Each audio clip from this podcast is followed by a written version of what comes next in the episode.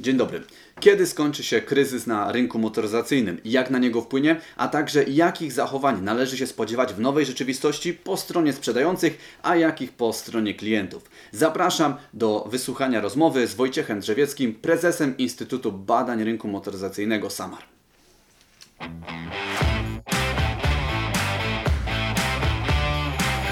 Dzień dobry, panie Wojciechu. Witam serdecznie. Bardzo dobrze Pana widzieć e, e, z takim uśmiechem i w zdrowiu, bo, bo teraz ta wartość staje się e, jak najbardziej cenna. Dzisiaj o kryzysie będę chciał porozmawiać, chociaż to słowo już coraz trudniej przechodzi przez gardło, bo jest odmieniane na milion różnych przypadków w różnych mediach, ale trudno nie pokusić się o rozmowę o kryzysie w motoryzacji, kiedy to jest tak bardzo ważna gałąź, gałąź polskiej gospodarki. Jak dobrze pamiętam, e, w raportach sprzed chyba dwóch lat polska, e, polska motoryzacja zatrudniała jakieś ponad 400 tysięcy, chyba 460 tysięcy osób. To są, to są bardzo duże e, liczby, to jest praktycznie no, kilka procent całego społeczeństwa dorosłych zdolnych do pracy i to jest kilka procent polskiego PKB. No i teraz pytanie, bo, bo to, że to, że kryzys jest, e, to wszyscy wiemy. Natomiast e, jak to wygląda w liczbach? No, pan i pana e, instytut badacie, analizujecie, liczycie to wszystko. Jak to przekłada się na liczby ten kryzys? Z jednej strony patrzymy na rynek i ten rynek do końca ubiegłego roku wyglądał bardzo ładnie. E, te wzrosty, które notowaliśmy, były wyjątkowe na tle innych krajów europejskich. Zresztą trzeba wyraźnie powiedzieć, że te wzrosty notowaliśmy od roku 2013. Wtedy najniższy poziom sprzedaży, jaki e, zanotowaliśmy w naszych statystykach, to było niecałe 270 tysięcy aut zarejestrowanych. Dzisiaj jesteśmy daleko, daleko do przodu, bo raczej patrzyliśmy na kierunek 600 e, tysięcy aut. No, w tym naszym tempie e, szybkim e, gonienia Europy i zwiększenia e, poziomu nasycenia, bo pomimo tego, że wielu mówiło, że ten poziom nasycenia w Polsce jest bardzo duży, a wręcz niektórzy mówili, że w Warszawie ten poziom znacznie przekracza poziom w Berlinie czy w dużych miastach europejskich, no nie jest to do końca prawdą, bo to wiąże się ze statystyką, a statystyka jaka jest, każdy widzi, jeżeli idę razem z psem, to razem to wspólnie czy średnio mamy po trzy nogi, tak, więc no, Tutaj e, troszkę inaczej e, to wygląda. Niemniej jednak do końca ubiegłego roku e, sytuacja na rynku polskim była bardzo dobra. Z początkiem tego roku zaczęły się problemy. I to problemy nie wywołane pandemią, bo o niej jeszcze wtedy tak dużo nie słyszeliśmy, ale to były problemy wywołane przepisami, które wchodziły w Europie, a w szczególności tymi, które dotyczyły emisji. Ograniczenia narzucane przez Unię Europejską, nowe normy spowodowały, że Producenci e, dużą część aut już kupowali i rejestrowali wraz z dealerami e, w roku ubiegłym. E, to oczywiście przełożyło się na statystyki tegoroczne, gdzie tych zakupów było mniej rejestracji, a przy okazji no, zaczęły rosnąć nam ceny wyraźnie, więc w momencie, kiedy przestaliśmy już mówić o wyprzedaży, chociaż ta wyprzedaż wcale się nie skończyła, bo aut w magazynach dealerskich jest wciąż bardzo dużo, niemniej jednak sprzedaż zaczęła nam stopniowo maleć. No i w momencie, kiedy ruszył rzeczywisty, e, pojawił się rzeczywisty kryzys a o kryzysie możemy mówić wtedy, kiedy te spadki są e, zdecydowanie wysokie. Ja już nie mówię e, o, o spadkach na poziomie 10%, bo ta fluktuacja na rynku e, może występować i ona występuje w związku z różnymi działaniami rządów, czy to krajowych, czy, czy na poziomie unijnym. Ale tutaj mamy do czynienia już ze spadkami na poziomach zbliżonych do 50%. To jest spadek na koniec marca. W kwietniu mówimy o spadkach na poziomie 70%. I jeżeli w dłuższej perspektywie czasu ten niski poziom sprzedaży i rejestracji się utrzyma, to rzeczywiście mamy do czynienia z kryzysem. Bo pół miesiąca jeszcze... i spadek w jednym mhm. miesiącu to nie jest jeszcze kryzys. To jest jeszcze, oczywiście. Żebyśmy tylko jeszcze sobie doprecyzowali. Mówi Pan o liczbie rejestracji aut, tak? tak? Mówimy o rejestracji Bo... aut y, mhm. używanych czy razem z przerejestrowanymi Ja głównie pokazuję rynek nowych, bo mhm. E, oczywiście na rynku samochodów używanych również notujemy spadki, to spadki duże. One wynikają między innymi z braku możliwości e, swobodnego przemieszczania się pomiędzy krajami, a więc tutaj ten e, import samochodów jest utrudniony, nie mówiąc już o tym, że przez długą, długi czas urzędy rejestracyjne były dla samochodów używanych zamknięte, więc ten rynek... To prawda, w ogóle prostu... zagłębiałem się w temat rejestracji aut, zadzwoniłem w kilka do kilku wydziałów, pytając o to, jakie są możliwości, i tam jakby komunikat był jasny, że tylko w uzasadnionej potrzebie życiowej można zarejestrować auto używane, nowe, mm, jakby normalna procedura była, trochę była tak, wydłużona, no, ale była. Tutaj w przypadku samochodów używanych wydłużono czas e, na rejestrację pojazdu, bo wiemy, że te nowe przepisy, które weszły niedawno w Polsce, ograniczały ten czas do 30 dni. W ciągu 30 dni należało zarejestrować auto. Jeśli tego nie zrobiliśmy, e, to czekały nas potencjalne kary. Dzisiaj e, okres jest wydłużony do 180 dni, więc mamy pół roku czasu na rejestrację auta, co spowoduje, że jeśli te granice się otworzą, to oczywiście tych aut może wjechać dłużej i spokojnie będą sobie czekały e, na klienta i nikt ich nie będzie pokazywał. Taki przypadek mieliśmy w przeszłości, gdzie po polskich drogach poruszało się mnóstwo aut na niemieckich rejestracjach, nikt się nie spieszył z rejestracją, bo pomimo tego, że przepisy nakazywały rejestrację w ciągu 30 dni, to nie było żadnych sankcji. Jak nie ma sankcji, to po co się spieszyć? Z Bo takiego założenia Polacy wychodzą. Docierały do mnie, mm, docierały do mnie sygnały z, e, od różnych e, ludzi z branży, dealerstw, zarówno aut nowych, jak i używanych, i tam padały takie liczby na zasadzie 90% mniej klientów nas odwiedza, do nas dociera. E, tak, to... I teraz pytanie, czy to faktycznie jest tak, że tych rejestracji na przykład jest o 90% mniej, czy sytuacja jest aż tak tragiczna? Nie. Spójrzmy na rynek samochodów z dwojakiego punktu widzenia. Pierwsza to są rejestracje i to jest to, co jest oficjalnie raportowane, przekazywane z Centralnej Ewidencji Pojazdów i to są komunikaty, które oficjalnie widzimy e, w mediach. I to są komunikaty, które zresztą my podajemy. Ale e, sprzedaż to nie tylko to, co widzimy po stronie rejestracji, ale to tak zwane zamówienia, które zbierają dilerzy.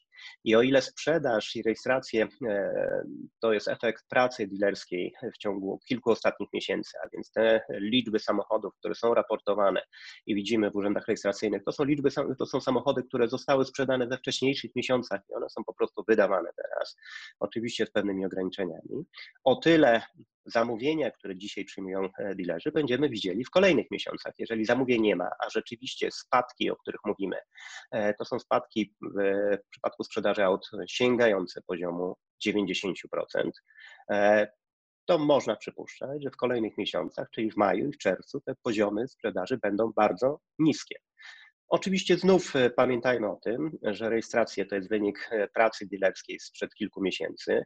E, w marcu zatrzymano, czy z początkiem kwietnia zatrzymano zakłady produkcyjne, a więc część samochodów nie dotarła do kraju, nie mogły być wydane.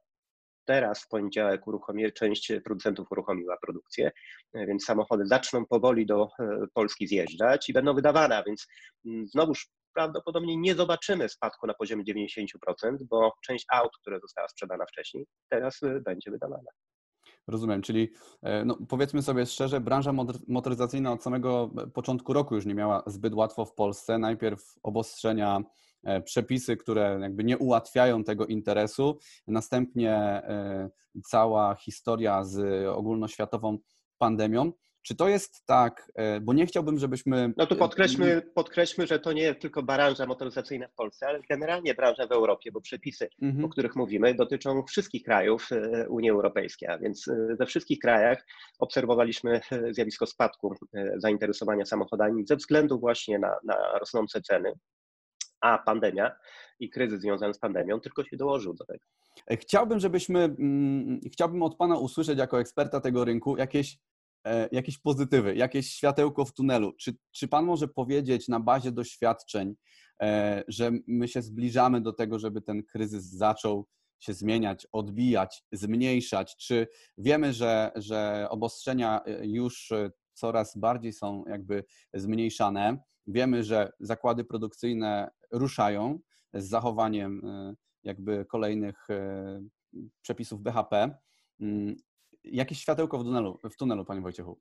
Wie pan, to jest tak jak na rynku pracy. E, jak mówią, że się zwalnia, to znaczy, że będą wkrótce zatrudniać. I na rynku motoryzacyjnym tak samo. Jeżeli notujemy spadki, znaczy, że w pewnym momencie te spadki przerodzą nam się we wzrosty. Oczywiście zawsze pojawia się pytanie, czy te wzrosty będą takie silne, że pozwolą na szybkie odbicie e, od dna i uzyskanie tych poziomów sprzedaży, z jakimi mieliśmy do czynienia. I, I na to pytanie musimy sobie odpowiedzieć. W mojej ocenie nie to sytuacja się zmieniła. Dzisiaj e, rośnie bezrobocie, sytuacja gospodarcza generalnie jest słaba, a jak jest słaba gospodarcza sytuacja i przyszłość nie do końca jest znana, to tak łatwo nie wydajemy pieniędzy. Raczej staramy się oszczędzać. To oczywiście jest szansa dla firm, które e, zajmują się finansowaniem. E, a więc zmniejszają ryzyko i e, niekoniecznie e, wymusza, jesteśmy w tym momencie zmuszeni do wydania dużych pieniędzy na zakup samochodu, bo możemy z wykorzystaniem narzędzi finansowych to auto pozyskać i możemy go używać spokojnie, wydając o wiele mniejsze pieniądze, co prawda co miesiąc. A więc musimy mieć jakąś gwarancję pracy i tutaj też pozostaje pytanie, co z tą gwarancją w najbliższych latach czy miesiącach będzie się działo. Czyli, czyli... Mam, nadzieję, mam nadzieję, że e, rynek się odbije. E, ten rok będzie mimo wszystko słaby. E, te nasze wstępne prognozy mówiły o spadku na poziomie 20%. Więc w kontekście tych spadków, które dzisiaj notujemy, 20% byłoby bardzo dobrym wynikiem i miejmy nadzieję, że ten bardzo dobry wynik się uzyskamy. Niemniej jednak my do końca nie wiemy, jaka jest rzeczywista sytuacja, jaka jest skala pandemii, co się będzie działo. Mamy w kraju za dużo działań takich politycznych i, i gry wokół wyborów, która zaciemnia nam obraz a ten obraz, szczególnie po stronie gospodarczej, jest e, niesamowicie istotny. Istotny nie tylko z punktu widzenia e, odrodzenia się rynku motoryzacyjnego, ale przede wszystkim z punktu widzenia pracowników, ludzi. Czy utrzymają pracę, czy tej pracy nie utrzymają, bo jeżeli praca będzie, bezrobocie nie będzie nam rosło, e, to myślę, że wrócimy do zakupów, bo samochód, szczególnie w czasach pandemii, wydaje się dobrym rozwiązaniem.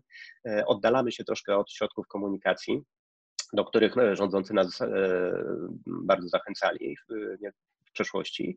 E, I znajdujemy się po tej bezpiecznej stronie mocy, czyli podróżujemy sami albo tylko z rodziną, tam gdzie wiemy, że wszyscy są zdrowi. To ciekawe. Tutaj odwołam się do raportu Ipsos, który analizował wpływ koronawirusa na sytuację w Chinach. Ja wiem, że to są jakby dwa różne światy kulturowe, natomiast według tego badania 77% Chińczyków e, podaje jako swoją motywację do zakupu właśnie obawy o podróżowanie w środkach komunikacji zbiorowej, że, że ta dbałość o zdrowie będzie motywacją do zakupów. Czy to też jest tak, że w Polsce może to spowodować, że właśnie jak już e, te obawy wyruszenia do salonu i podjęcia kontaktu miną albo zmniejszą się, to klienci będą chcieli kupować i dzięki temu ten rynek wróci do, do kondycji? Oczywiście e, ta chęć będzie widoczna wyraźnie, tak jak powiedziałem, ona, e, czy, czy, mamy chęć, czy nie i czy możemy kupić, czy nie, to zależy od naszej sytuacji, e, naszego portfela. Jeżeli będzie istniało ryzyko, że utracimy pracę, a mamy samochód, to oczywiście nie będziemy go kupować, tylko będziemy użytkować to auto, które mamy. Jeżeli takiego ryzyka nie ma, to możemy być zainteresowani zmianą auta.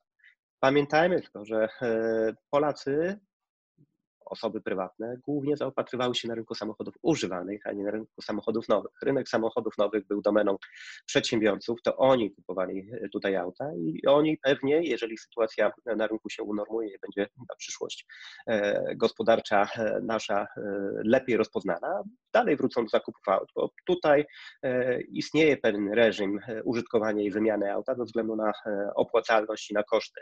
A więc te 3-4 lata to jest ten okres, kiedy najczęściej auta są zmieniane. W przypadku klientów indywidualnych pozostaje rynek e, samochodów używanych. I teraz pytanie jest tylko, czy będziemy kupowali auta nowsze czy starsze, czyli będziemy mniej wydawali pieniędzy i czy będziemy na rynku także samochodów używanych częściej korzystali z narzędzi finansowych, czy rzadziej. To są dwa jak gdyby aspekty e, rozwoju e, tej części Jeśli chodzi rynku. o ten rynek aut używanych, to ciekawe obserwacje zawsze nam się pojawiają, kiedy organizujemy internetowy samochód roku i badamy to, jak użytkownicy wyszukują, czego wyszukują. I w tegorocznej, tegorocznej edycji nie było zaskoczenia. Wśród aut używanych królowały auta 11-12-letnie. Ta tendencja niestety y, nie idzie ku lepszemu, to znaczy ten wiek, ta, ta flota się nie odmładza na polskich drogach. I teraz pytanie, bo po raz kolejny jakiś insight z rynku motoryzacyjnego od znajomych, którzy handlują autami używanymi, że teraz w okresie tego ścisłego, e, trudnego okresu najbardziej sprzedawały się, o ile w ogóle sprzedawały się jakieś samochody, samochody, które oscylowały w wartościach 5-10 tysięcy. Czy to, mm, czy to, że ta sytuacja gospodarcza e, może być trudniejsza, mm, myśli Pan, że sprawi, że ta flota polskich e, aut, tych używanych, jeszcze bardziej się postarzeje? Mam nadzieję, że nie. E, natomiast nie można oczywiście tego wykluczyć. Tak jak powiedziałem, przede wszystkim patrzymy na swój portfel, na bezpieczeństwo e, finansowe i e, musimy ograniczyć w maksymalnym stopniu wydatki po to, żeby zapewnić sobie jakąś poduszkę finansową na przyszłość. Gdyby nie daj Boże problem z koronawirusem się pogłębił albo wrócił na jesieni, co dzisiaj zapowiadają zarówno epidemiolodzy, jak i politycy. E, więc ten, to bezpieczeństwo finansowe e, myślę, że jest priorytetem. Oczywiście e, ten czynnik, o którym mówiliśmy, na który wskazują też badania na rynku chińskim, że chętniej będziemy poruszali się własnym środkiem transportu, może zachęcić nas do zakupu, być może na krótki okres czasu, samochodu używanego, jeszcze starszego, co wpłynie na średni wiek samochodów w polskim parku. Zobaczymy. Mam nadzieję, że, że to się nie, zda, nie zdarzy. To, co Pan powiedział, oczywiście utrzymuje się średni e, wiek na poziomie 10-11 e, lat, ale e, też musimy wskazać na to, że te samochody się zmieniają. Że w tych samochodach, które najchętniej kupujemy, jest zdecydowanie więcej aut marek premium auta lepiej wyposażone.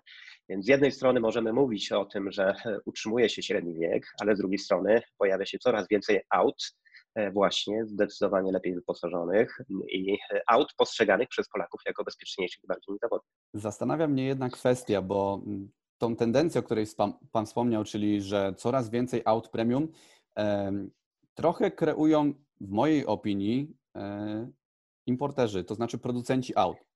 E, zmierzają ku temu, żeby auta były coraz bardziej bezpieczne, coraz lepiej wyposażone i tym samym te auta są coraz droższe.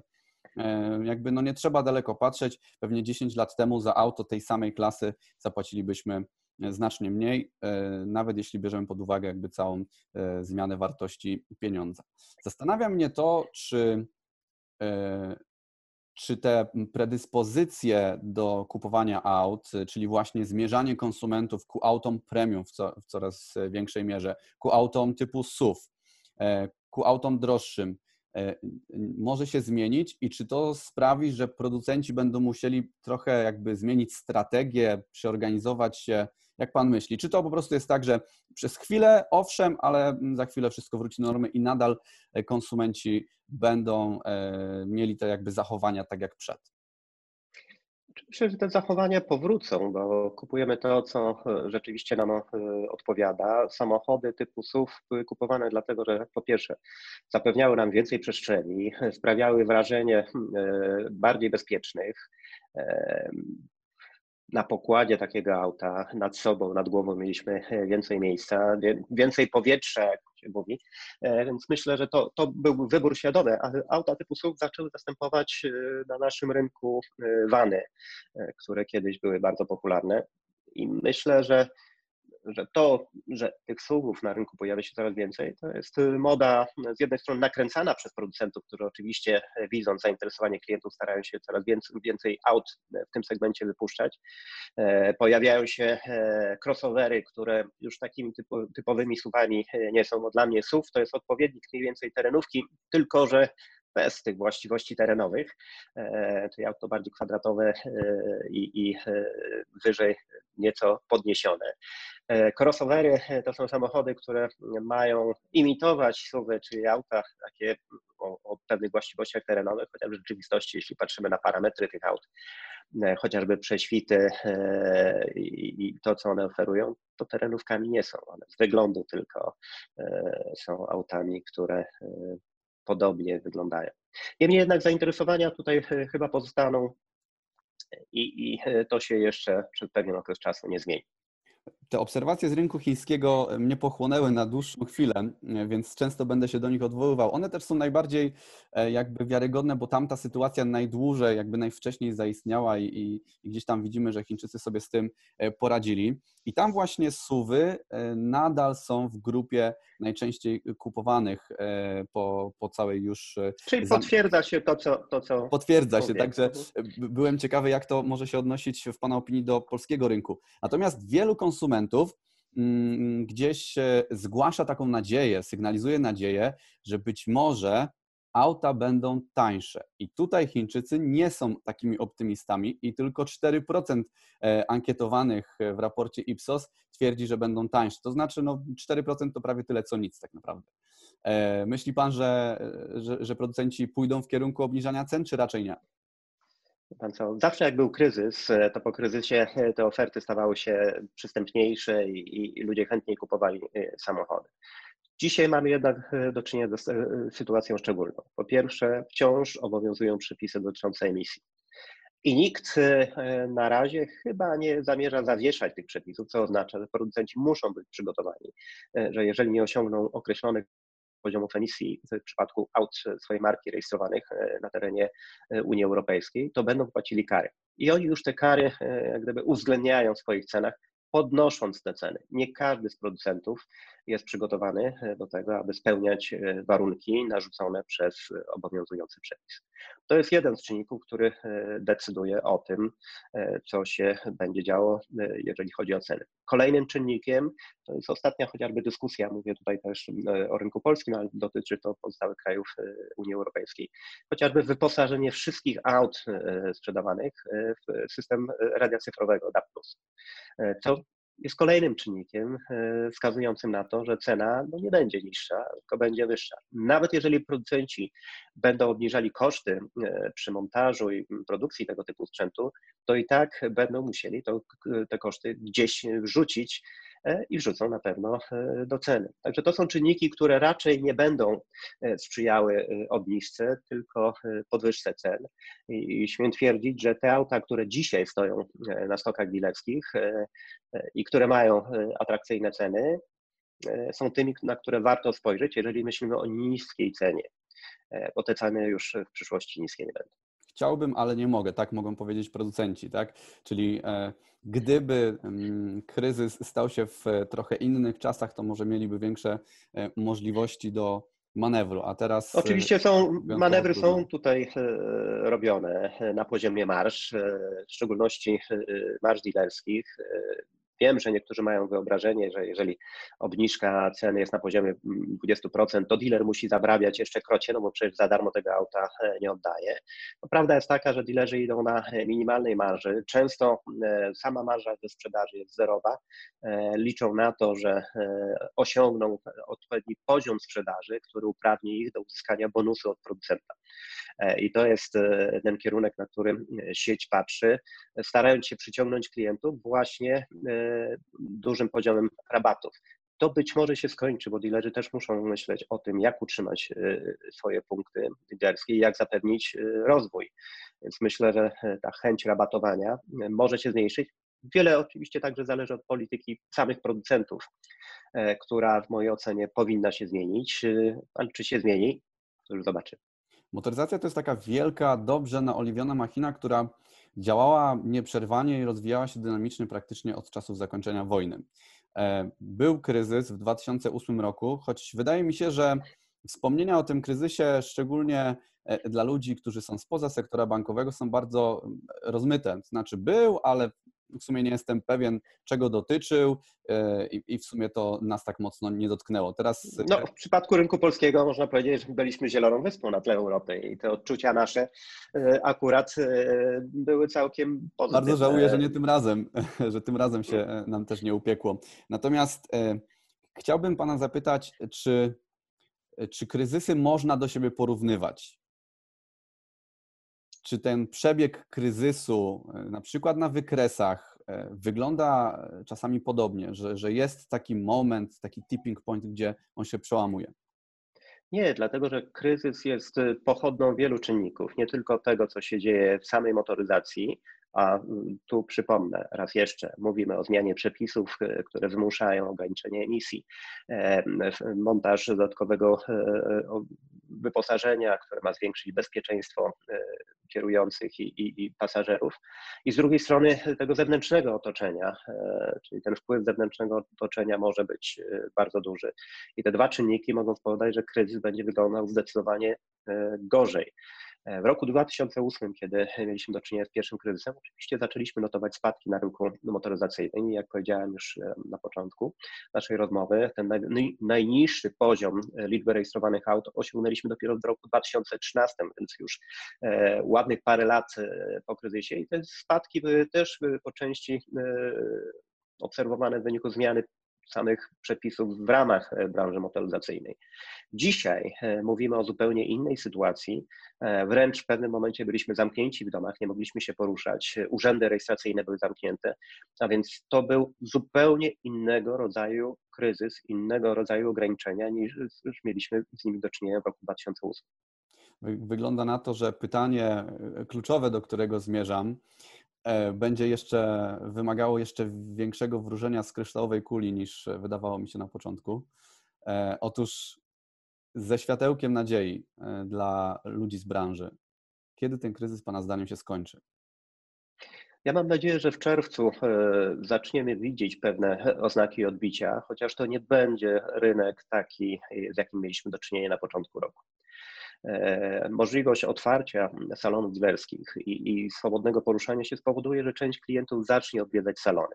I to już widać w niektórych markach, że rzeczywiście liczba odwiedzających się zwiększa, co nie znaczy, że to przekłada się e, od razu na zamówienia, które będą realizowane w kolejnych miesiącach. To jest czas na e, oglądanie, przygotowanie się do ewentualnego zakupu i czas na uzyskanie potwierdzenia że e, nasza sytuacja finansowa w kolejnych miesiącach będzie dobra i że nie stracimy pracy. Jeszcze za wcześnie, żeby mówić, że sytuacja e, szybko wróci do normy, bo tak jak już powiedziałem, wciąż mamy e, duży chaos, wciąż docierają do nas nowe informacje z gospodarki. Jeszcze niedawno mówiło się o tym, że Polska wyjdzie obronną ręką, że ten kryzys e, to będzie nam sprzyjał. Jeden z ministrów e, wręcz powiedział, że e, na pandemii będzie można zarobić. Tak? Takie słowa też słyszeliśmy. I nagle informacje w ostatnich dniach, które przychodzą, mówią, że Polska będzie w recesji. Będzie w recesji, co oznacza, że sytuacja przedsiębiorców będzie trudna. Dodatkowo dotknie nas pewnie susza i problemy w rolnictwie, to wszystko nie nastraja optymistycznie, bo to może spowodować, e, że nasze spojrzenie e, na nasze bezpieczeństwo finansowe w kolejnych miesiącach e, będzie odmienne i będziemy starali się ograniczyć ryzyko i ograniczać wydatki. Oczywiście rozwój narzędzi finansowych i dobra oferta, z którą mamy do czynienia, bo jak już wspomniałem, na składach dealerskich wciąż stoi bardzo dużo samochodów i jesteśmy w stanie uzyskać naprawdę dobre ceny. Więc korzystając dzisiaj z narzędzi finansowych, y, być może będziemy w stanie pozyskać auto. To głównie informacja dla przedsiębiorców, bo oni patrzą tutaj e, bardziej pozytywnie zawsze w przyszłości, starają się wyprzedzać działania e, osób e, prywatnych, czyli nasze, nasze takich decyzji dotyczących przyszłości, bo my tę pewność musimy oprzeć na naszej sytuacji i na tym, co słyszymy w odniesieniu właśnie do gospodarki i do przedsiębiorcy, który nas zatrudnia. Być może wyjdę na takiego niepoprawnego, mm, e, pozytywnie nastawionego człowieka, natomiast e, ja doszukuję się też i, i, liczę na to, że mimo tego, że, że teraz sytuacja nie jest łatwa, wyjdzie nam coś z tego mm, dobrego dla, dla rynku, dla branży, dla klientów. Wczoraj. Myślę, że tak. Wczoraj Myślę, że tak. kilku dealerów, którzy swoimi działaniami w dobie e, pandemii mm, no, wyróżniają się w pewien sposób. E, odwiedziłem ich po to, żeby zobaczyć, jak te procedury działa. Mówię tutaj o door-to-door, mówię tutaj o e, kontakcie zdalnym, wideo, rozmowach i tak dalej. Czy myśli Pan, że e, właśnie taka sytuacja albo obawa dealerów, sprzedawców przed tym, że taka sytuacja może się kiedyś powtórzyć, sprawi, że jakość usług wzrośnie? Na to liczę. Znaczy, sytuacja, e, z którą dzisiaj mam do czynienia, na pewno e, spowoduje, że proces e, przejścia sprzedaży w świat wirtualny będzie procesem szybszym. Ja o tym mówię już od bardzo dawna, że tak jak kupujemy dzisiaj w sieci sprzęt AGD, RTV, ubrania i mnóstwo drobiazgów, taki przyjdzie również pora na samochody. Wielu oczywiście y, twierdzi, że nie, samochodów nie będziemy kupowali w sieci, bo musimy dotknąć, musimy usiąść. Z tym się zgadzam połowicznie. W przeszłości każda generacja była inna. Różnice między samochodami potrafiły być naprawdę bardzo duże. Dzisiaj z generacji na generację mamy coraz bardziej podobne samochody, coraz bardziej e, zbliżone doświadczenia. Te auta nie zmieniają się już tak bardzo, jak zmieniały się w przeszłości. E, znając jeden model i patrząc na nową generację, niekoniecznie musimy do niego wsiąść. Oczywiście możemy się przejechać, ale bardzo często e, zakup auta bazuje na naszych doświadczeniach wynikających z poprzedniego samochodu.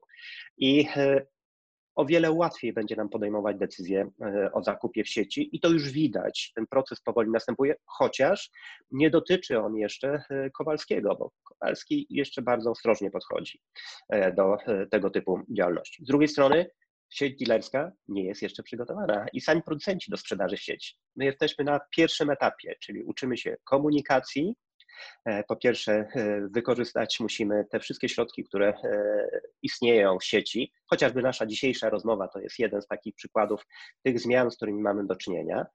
Nie każdy jest gotowy do tego, żeby z wykorzystaniem właśnie komunikatorów rozmawiać z klientem i nie każdy jest youtuberem bo handlowcy będą musieli stać się takimi youtuberami, którzy w sposób odpowiedni przedstawią produkt.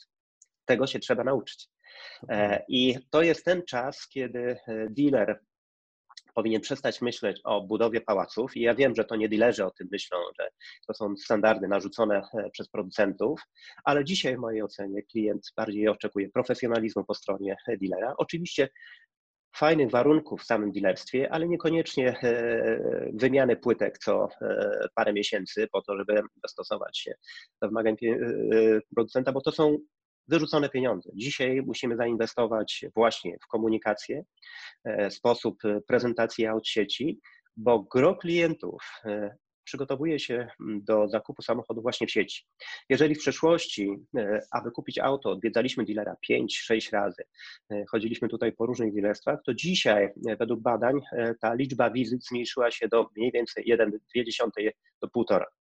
Reszta dzieje się w sieci i to od tych, którzy przygotowują prezentację produktu sieci zależy, czy klient w pewnym momencie powie, ta informacja, którą mam, jest wystarczająca do podjęcia decyzji, to auto znam, może bym się przejechał, ale to zadzwonię w takim razie do dealera, poproszę, żeby dostarczył mi auto pod drzwi, żebyśmy razem wspólnie pojechali i jeszcze wyjaśnić wątpliwości. I to jest to, co się już rozwija. Pierwsze oznaki widzimy i ci dealerzy, o których Pan wspomniał, już właśnie w ten pierwszy etap weszli e, bardzo ostro. To nie oznacza, że wszyscy są gotowi. Ale e, śmiem twierdzić, że to, co właśnie się dzieje, to szansa dla tych mniejszych i słabszych. E, wiele słyszeliśmy w ostatnich e, miesiącach o przejmowaniu dealerów mniejszych, którzy na rynku sobie nie radzili. Internet sprawia, że dotarcie takiego dealera do klientów może być zdecydowanie szersze. On nie działa już na rynku lokalnym. Dla niego rynkiem lokalnym staje się Polska, a w przyszłości Europa to tylko jego aktywność w sieci może pozwolić na e, wzrost sprzedaży i rozwój tej sprzedaży. E, I oczywiście odpowiednie kształtowanie swojej marży, żeby ona uwzględniała e, właśnie fakt konieczności dojechania do klienta i dowozu auta do klienta ale dzisiaj możliwości, którymi mamy do czynienia, pojawiają się coraz większe. I oczywiście będziemy mieli także e, agregatorów zewnętrznych. Tutaj firma Automoto jest takim agregatorem, który e, zbiera informacje o samochodach dostępnych w różnych e, częściach kraju, ale oczywiście Automoto nie jest jedynym, jedyną firmą, która działa w tej grupie i na pewno konkurencja się tutaj pojawi, no bo jak się pojawia rynek, ten rynek się tworzy, to zawsze się pojawia wielu e, potencjalnych konkurentów. Ilu z nich przeżyje, to już jest zupełnie inna sprawa, ale na pewno myślę... zawsze dobra dla, e, dla rynku. Zawsze zdrowa, zawsze zdrowa, bo ona wymusza innowacje, ona wymusza działania i zawsze jak konkurenci się pojawiają, to ja się cieszę, chociaż e, z drugiej strony zawsze się martwię, no bo fajnie było żyć bez konkurentów, tylko że życie bez konkurentów rozleniwia, i powoduje też, że stajemy się coraz mniej innowacyjni, e, co z punktu widzenia klienta chyba nie jest dobre. Także to jest pozytywny na pewno aspekt tego kryzysu, z którym dzisiaj mamy do czynienia. Proces transformacji rynku, wejścia także w handel sieciowy, ja nie mówię, że on zdominuje rynek, E, bo to jeszcze, e, e, na to trzeba jeszcze wiele lat, ale na pewno zaczynamy przyspieszać. Pojawia się, tak jak powiedziałem, wiele firm, które zaczną oferować, już oferują samochody w sieci, łącznie z dostawą do domu. No i tylko trzeba czekać na klienta, który musi się przyzwyczaić i powiedzieć, tak, to jest ten moment, że jestem gotowy na zakup samochodu bez jego oglądania i będę się cieszył, jak ten samochód się pojawi pod moimi drzwiami. Będzie to niesamowicie wygodne. I kolejne doświadczenia, które będziemy mieli. Czyli podsumowując tą naszą jakże długą, ale, ale myślę, że wartościową dygresję, jakość obsługi, zarówno w autach nowych, jak i używanych, powinna wzrosnąć i e, na to liczymy i za to trzymamy kciuki za większy, większy profesjonalizm moim zdaniem się pojawi.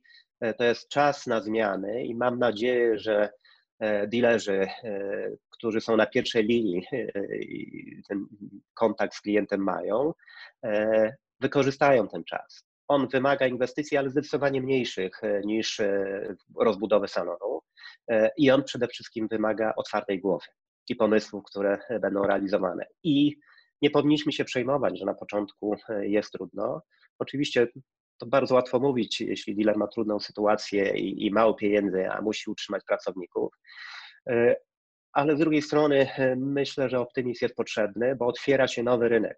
Właśnie inwestycja w sieć e, zapewni dotarcie do zdecydowanej większej rzeszy klientów. I nie mówię tutaj tylko o samochodach nowych, bo dealerzy także sprzedają samochody używane. Otomoto jest jednym z takich e, nośników informacji o tych samochodach, które są dostępne w sieci. E, takich nośników pojawia się coraz więcej, więc te dotarcie do klienta może być zdecydowanie lepsze. Wiele zależy od naszej aktywności, od naszych pomysłów, bo jeśli się zamkniemy, i będziemy go biadolić, to nic nie zdziałamy.